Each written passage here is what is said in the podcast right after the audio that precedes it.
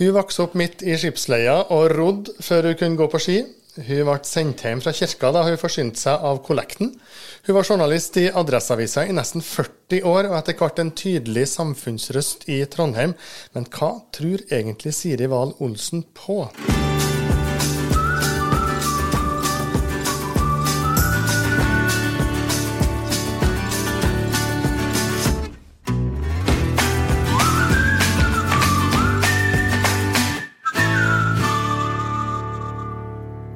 God dag, Siri. Trivelig å ha deg her. Ja, takk for det.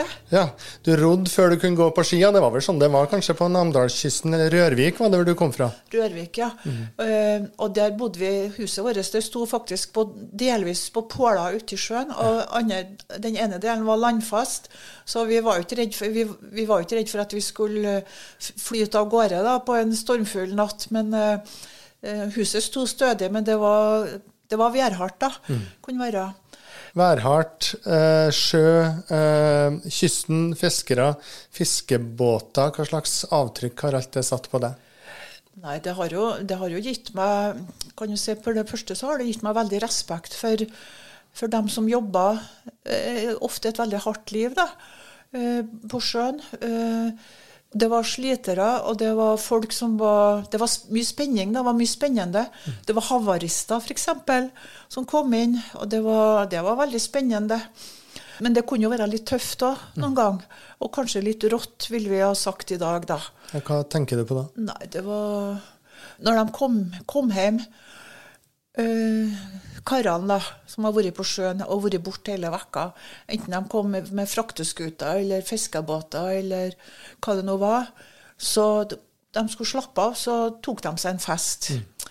Og det var, det var litt eh, heimbrent og drikking, og det kunne bli litt slåssing og knuffing. Og på kaia der? På kaien og nedi miljøene der, da. Men òg når de kom hjem. da, Det var jo litt forskjellig i heimene. Mm. Det var det i min heim òg. Det kunne være litt tøft. Mm. Eh, du beskriver deg sjøl som en nysgjerrig unge. Ja, jeg, jeg, var det. Jeg sto bestandig fremst eh, hvis det var brann på Rørvik. Da, da sto jeg fremst og kikka på. Mm. Og jeg husker det var En gang så var det en, eh, en, demning, vanndemning som brast. Da var jeg i fremste rekke og tok med seg noe hus. og Jeg, tror, jeg var ikke gammel da. Men, men også likte jeg å stå på kaia og se på når Hurtigruten kom. Ja, for den anløp Rørvik den, hver dag? Hver dag, ja. Mm og de nordgående og sørgående kom samtidig. Eh, og da kom hele verden til Rørvik, mm. følte jeg da, for da, alle utlendingene som kom ned landgangen da, og skulle se på fiskegjellene på Rørvik. For det var jo kanskje ikke så mye annet å se på. Eh, så, eh, så var det en gang Jeg kunne, kunne være kanskje ti år. Så sto jeg nå nede på kaia og glana Og da kom det nedover landgangen en uh, mørkhudet person, en mann, pen mann. Uh, og da, Det var en sånn sensasjon, så mm. da sprang jeg opp i gata for å få tak i flere unger. da. Ja. Uh, som sier 'kom og se, kom og se', neger på Hurtigruta. Det er jo ikke lov å si noe lenger, da, men det var det vi sa den gangen. Mm. Det sa Pippi Langstrømpe, og faren mm. hennes var jo negerkonge. Mm. så, så, men det, det, det, har ikke vi lov til å si lenger. men men, eh, men uh, det har jeg sagt at det var min første journalistiske ditt jobb. ditt første oppslag? Det første oppslaget, ja. du Var den nysgjerrigheten som også brakte deg til søndagsskolen hos eh, baptistene? Ja, det var det. Det var Jeg var uh, vi, det, vi, var ikke noe spesielt religiøse hjemme til oss da. Uh, men mora mi brukte å høre på på, på høymessa på søndagene, så den sto bestandig på på radioen. Mm. Men så hadde jeg hørt om baptistene at de hadde sånn fin flanellograf. så da begynte jeg å gå på søndagsskolen til dem, da. Ja. Og jeg elska Og det var tante Liv som, som eh, hengte opp Jesus og Maria og lille Moses i korga i, som seila på Nilen, og som sto fast i sivet der. Og, så jeg fikk veldig mye bilder i, i, i hodet mm. om eh, om Jesus og det religiøse. da. Og, Hva tenkte du om det? Nei, jeg tenkte at Jesus var jo en snill mann. Mm. han, han, drakk ikke og ikke sloss og han, han snakka Han tok seg han var, han var, snill med dem som var fattige, og dem som var syke og elendige, og dem som var utafor. Og jeg syntes han var en, en fin mann, da. Så, og at, eh, jeg, hadde, jeg var sikker på at han hadde eksistert. Eh, det med Gud, det var litt fjernere. Eh, men det var såpass nært at jeg ba, ba, ba fadervare hver kveld. Eh, under teppet, da, for at ingen måtte høre, høre det. For det var liksom ikke, vi var ikke religiøse hjemme til oss. Så du skulle ikke be fadervare. da. Hvorfor gjorde du det likevel? Så gjorde jeg det likevel, da, for sikkerhets skyld, liksom. Så, så det starta Jeg vet ikke hvor gammel jeg var når jeg begynte på søndagsskolen. Jeg var vel en åtte-ni år, kanskje. Så, og så sa du at jeg forsynte meg av kollekten Ja, i kirka. Men det var ikke i kirka, det var til baptistene. da. Ja, ja. For de hadde, når jeg ble litt gamlere, så hadde de noe som het Junioren. Mhm. Og da fikk jeg lov til å gå på junioren. Jeg tror jeg kanskje jeg var tolv år. Og da så jeg at de eh, Da så sa de at nå, skal, nå blir det kollekt, sa de etter at vi hadde sunget, og det hadde vært en liten gudstjeneste, og, eller en liten andakt. da. Uh, nå blir det kollekt. Så sendte de rundt ei korg. Sånn, korg, sånn bastkorg, da, som vi, så, akkurat likedan som vi hadde eggene våre hjemme om søndagene. og så så jeg at putta, alle andre putta handa si oppi.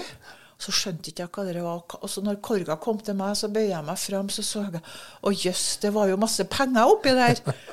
Så jeg trodde at, det var, at vi skulle forsyne oss. Så jeg tok meg en neve da, med penger, da. Og det var ikke bra. Så da ble jeg faktisk sendt hjem. Eh, og med beskjed om at de var rampete og tyveraktige og hva det var for noe. Da, jeg torde aldri å Jeg sa aldri noe om det hjemme, og, men jeg skjemtes jo veldig da. Og det var ingen som snakka med foreldrene om at jeg kanskje hadde misforstått, eller Det var ingen som, som sa det. Eh, eller tenkte den tanken at jeg ikke forsto hva kollekt var for noe. Men, eh, så, men det var slutten på mitt forhold til baptistene. da. Ja, da gikk ikke du dit noe mer? Da gikk ikke jeg dit noe mer, for jeg, mm, det var mest for at jeg skjemtes sånn. da. Du ba Fader vår, sa du, under uh, dyna sånn for sikkerhets skyld, og du fortalte meg også at du ba om at det skulle bli snø. Ja, det Hva? gjorde jeg. Hva, hva trodde du egentlig på? Nei, jeg trodde jo at det var en gud som styrte alt, da. Og da måtte han jo klare å ordne snø på Rørvik. For jeg var jo, når jeg hadde jo lært meg å gå på ski etter hvert, jeg òg. Og, da, og jeg syntes jo det var veldig artig. Og det var jo lite snø. Litt snøfattige vintre på Rørvik. Og hvis det kom snø, så regna den bort neste dag. Så vi var jo snar og dra opp i, i marka og gå på ski da, når det, når det var litt snø. Nei, Så da ba jeg kjære Gud, la det, la det komme snø på Rørvik. Det kom, fikk jo nesten, det kom jo nesten aldri. Nei. Så, så, det, det hjalp ikke, da. Men jeg slutta vel ikke å tro på Gud. Jeg trodde jo at det var, var noe. Og det, det, var vel, det var vel den barnetroen som var litt enkel, da. Som, eh, som jeg hadde fått for, først og fremst hos baptistene. Mm. Og hos baptistene syntes jeg det var mye artigere enn det var i kirka. Det var litt mer liv og artigere sanger og sånt. da. Barndomsminner, eh, Siri. Etter hvert så, eh, så flytter du jo ut av Rørvik når du er ferdig med, med realskolen, og flytter til Steinkjer. Tar eh, artium der. Og så er det jo klart for de første studiene. Du drar til Agder folkeskole, Søgne, og etter hvert til Bergen. Og der forteller du at du virkelig møter de her voldsomme politiske strømningene, diskusjonene, som var på den tida. Hvordan var det? Det var, òg ganske tøft, Mhm. syns jeg. Eh, eh, det var, jeg kom, dit i, kom til Bergen i 1970. Og da var, vel, da var, jo, da var det jo EU-kamp. Mm. Og så var det jo i forlengelsen av studentopprøret. Det fantes jo fortsatt, sjøl om det, det egentlig var 1968 som står som det store årstallet. Men det kommer kanskje litt senere til Norge. Mm. Det kom jo til Bergen òg, og det var det var veldig vanskelig å forholde seg til. For jeg skjønte ikke at det var, skulle være så stor forskjell på de forskjellige retningene. Det var veldig mange forskjellige grupperinger. Og, de, og de kunne nesten ikke snakke med hverandre, for at det var hovedfienden. da. Så jeg trodde jo at hovedfienden var dem som var konservative, og at det var om å gjøre å være radikal. Men hva det var, det strevde jeg med. Og, og det var veldig, jeg opplevde et veldig press på at du skulle ha riktige meninger, og du skulle omgås de rette folkene. Og hvis du snakka med noen på den ene sida, så ble du tatt til inntekt for det de sto for. Snakka du med noen SOS-frontere, så hadde du sveket dem på andre sida.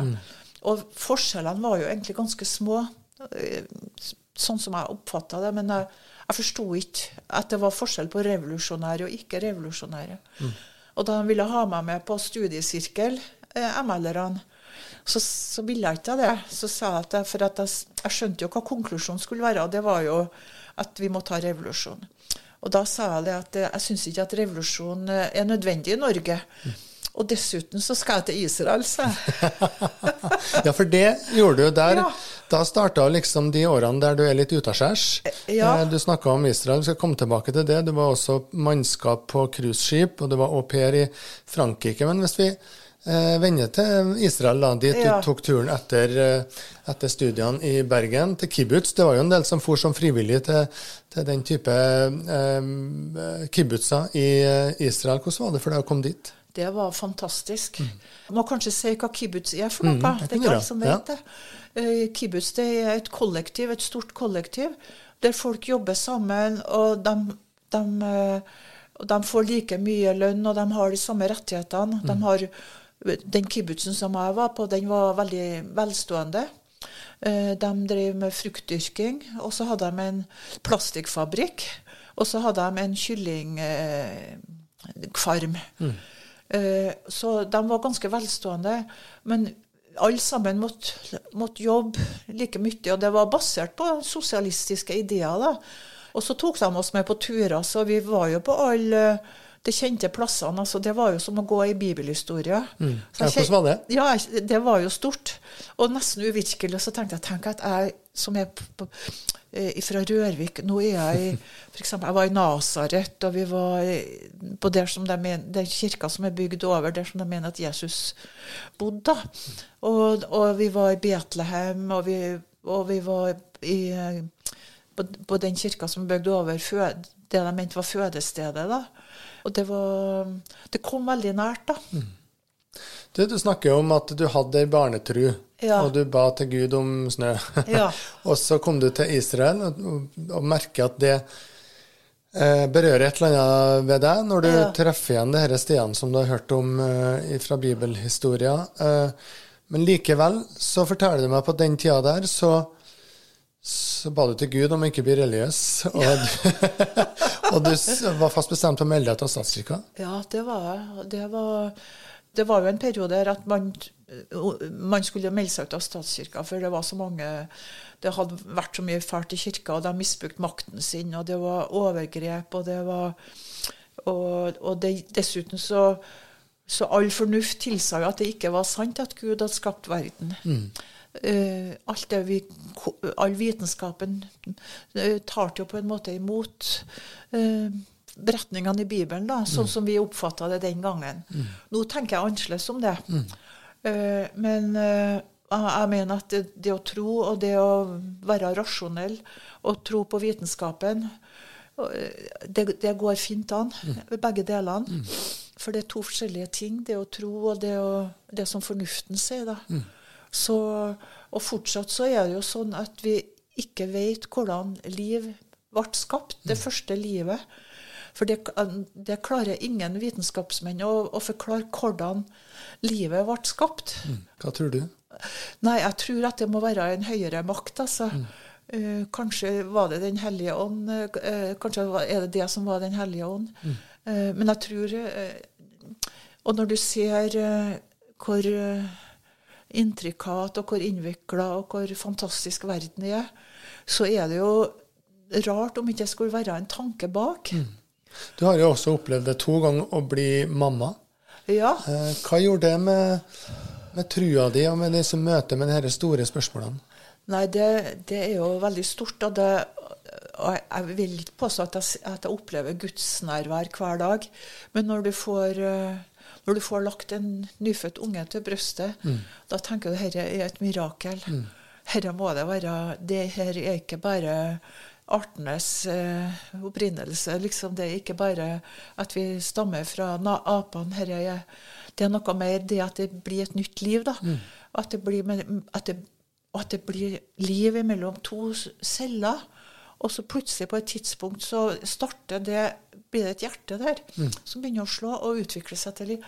Det, det tenker jeg fortsatt mye over. Jeg syns at det er et under. Og nå har jeg fått et barnebarn òg, og syns at det var like stort som, eh, som å få unger sjøl. Og, og, det, og det er kanskje sånn øyeblikk av gudsnærvær, da, som man kaller det. Når du fikk unger, det er vi på slutten av 80-tallet. Da er du etablert som journalist i Adresseavisa. En, er vel en radikaler? Småradis. Småradis. Men likevel så velger du å døpe ungene dine. Ja. Hva handla det om for deg? Det var fordi at, eh, at jeg ville Jeg, tenkte at det, at det at det er født nye mennesker inni verden, det, det må fortelles. det er ikke bare en privatsak. Og det må vises, og det ungene må høre til noen plass. Eh, og jeg så ikke noe annet alternativ enn kirka til hvordan, hvor de kunne høre til i en større sammenheng. Da. Så, så, så det med tilhørighet tror jeg det var, var viktig for meg. Så, og jeg syns det var så fint når presten løfta opp uh, ungene og så sa dette er uh, Erik, og dette er Petter, og Guds barn, eller noe sånt. Ta godt imot dem. Og så klappa i kirka. Og det syns jeg var fantastisk flott. da. Og så begynte vi på et tidlig tidspunkt å gå i domkirka, for vi bodde på Bakklandet da. Og da hørte vi til domkirka. Og så vi, så vi gikk mye i kirka ifra de var ganske små. Og de liksom følte tilhørighet der. Og for dem så er det fortsatt Nå er de jo voksne, men for dem så er det fortsatt domkirka som er kirka, da. Mm, og de ble jo etter hvert med og sang i kor, begge Ja, to. ja. Eh, og du ble med som kormamma. Ja. Eh, hvordan utvikla det her eh, forholdet seg til, til kirka? Til? Nei, jeg begynte å gå i kirka, da, for jeg måtte jo være med og høre på dem når de sang. Eh, og etter hvert så oppdaga jeg jo det at liksom, kirka var jo ikke sånn som eh, jeg, jeg hadde lest, og sånn som vennene mine sa. At det var jo ikke død og fordervelse og helvetes pine og straff. Det var tvert imot. Det var, det var, de formidla håp, og det var snakk om nåde, barmhjertighet, kjærlighet. da, Gode ting. Og jeg husker en gang spesielt, da var, da var jeg skilt. Og var alene med ungene og syntes noen ganger at det var litt vanskelig. Eh, og, da, og kunne være ganske bekymra noen ganger da. Så jeg kom jeg i kirka en søndag, og så var det en Tor Singsås som hadde prekene. Og så sa han i dag er det bekymringsløshetens søndag. Og det syntes jeg var så fint. Og så tenkte jeg tenk at kirka sier det. Du skal ikke være så bekymra. For det, det kan gå bra lell om ting skjer litt, eh, kan se litt svart ut.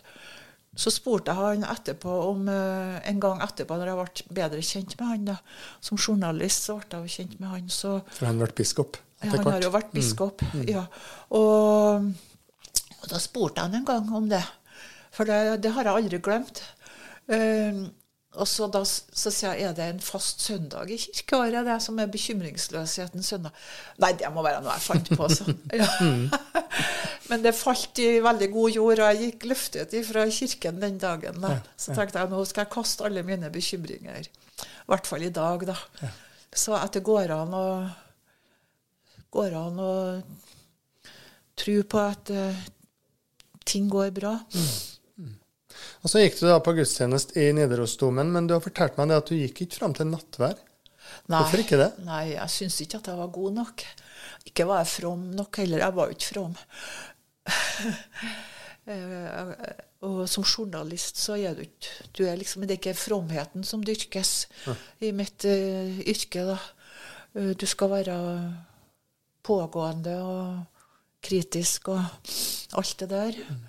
Eh, Men du hadde, jo, du hadde jo liksom hatt et liv som har vært prega av en kamp for likhet og kamp mot autoriteter. Ja. Og likevel så kom du der til et punkt der du sa at dette er ikke jeg god nok til.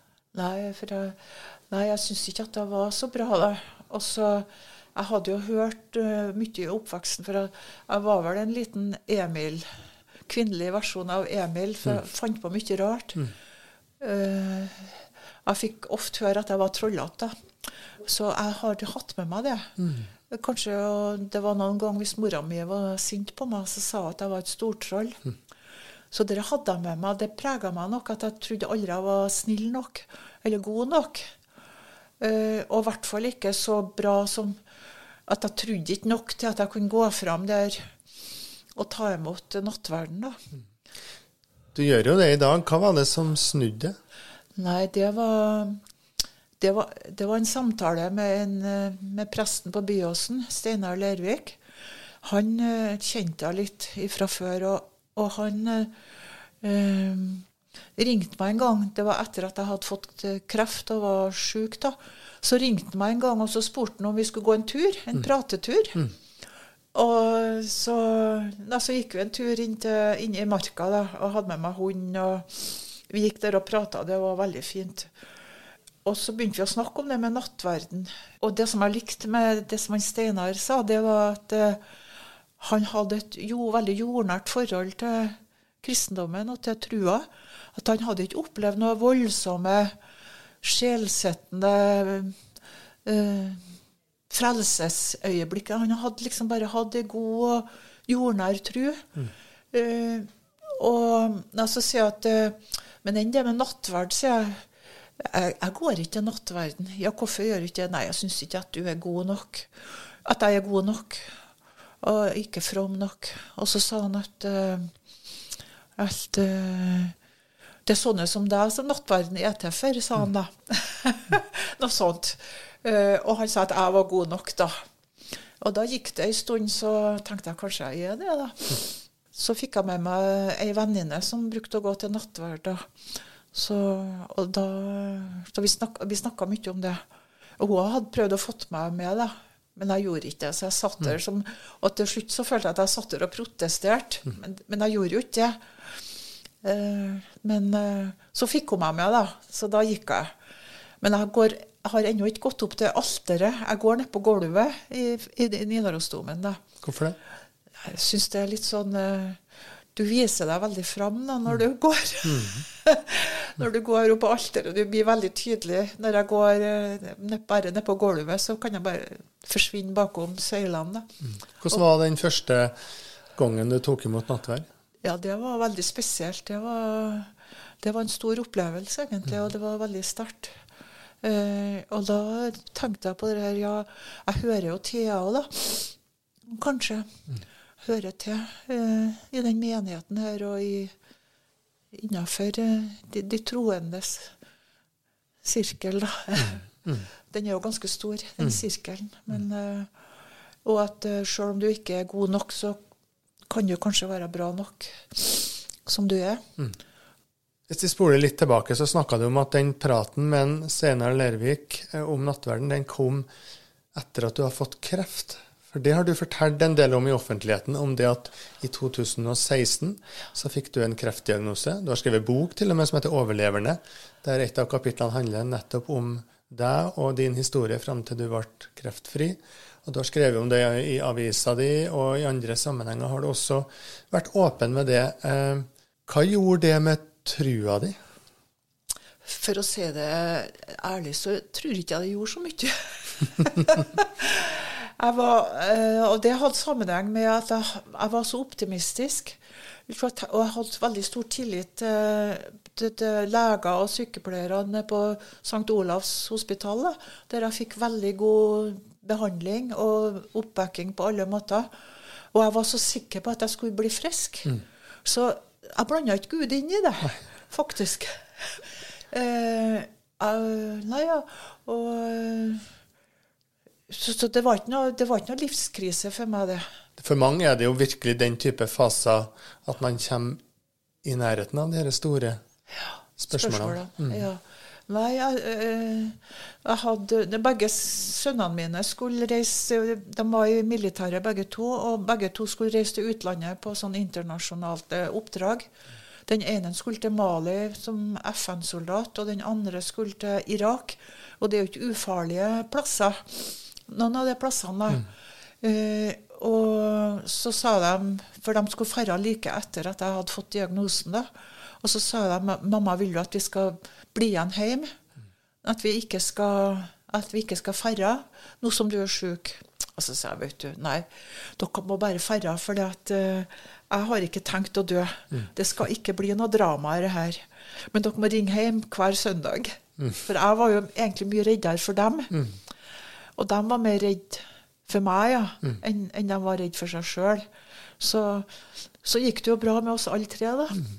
Du er en av overleverne. Eh, I eh, Nidarosdomen, da, hvor du eh, gikk, hvor guttene dine sang i kor, og hvor du etter hvert kunne gå fram og få nattvær òg, eh, så har du blitt menighetsrådsleder nå i år. Hvordan ja. har det vært? Jo, det har jo vært uh, utrolig. Uh, det si at det er en, både en stor ære og en stor glede. Mm. Og litt arbeid. Mm. Og litt innsats, da. Men jeg syns at det eller jeg ble, Første gangen jeg ble spurt om å stille til menighetsrådsvalg, så ble jeg veldig overraska om de trodde at jeg var så, så bra, da. Mm. Men uh, jeg sa ja til slutt. Og jeg opplever jo veldig tilhørighet til til Nidarosdomen og det miljøet her i, i Midtbyen, da. Mm. Og til kirka, da. Og, og føler, føler veldig ja, tilhørighet. Mm. Du har fortalt meg det at når du går i, eh, på gudstjenesten i Nidarosdomen, så kan dere sitte etterpå eh, på en kafé og diskutere preker og det som har sagt, og presten, og hvordan det har bevega dere, om dere har oppløftet ut av kirka, som du kalte det, osv. Hvordan vil du beskrive trua di i dag? Nei, den eh, Hvordan skal jeg beskrive den? Jeg tror den er ganske jordnær, sånn som, som han pressen Lervik sa. Mm. Uh, at uh, den, den, er der, og den uh, Jeg har ikke noen store åndelige, spirituelle opplevelser, men jeg har liksom en, en tro på at det er noe der, og at det er, det er mer enn oss menneskene, bare at vi er vi er ikke alene. Mm. For det syns jeg er en uutholdelig tanke. At, skal, at, det ikke skal være altså at det skal være det livet her. Så skal vi gå på jorda igjen, eh, kanskje hvis vi er heldige, en 85 år eller noe sånt. Og så skal vi bort. Og så, har, og så er det ikke noe mer. Mm. Det syns jeg er vanskelig å tenke på. Og, og at vi er overlatt til oss sjøl. Du brukte et ord tidligere her som du sa at det var som gudsnærvær. Ja. Hva, hva, legger du i det? Gudsnærvær. Ja, det er det at du føler at det er Du føler virkelig på deg, da, innvendig, at, eh, at det her er så stort at jeg ikke At det, det, kan, at det må være noe mer enn oss menneskene. da. Mm. Siri Wallolsen, tusen takk skal du ha. Takk. Sjøl takk.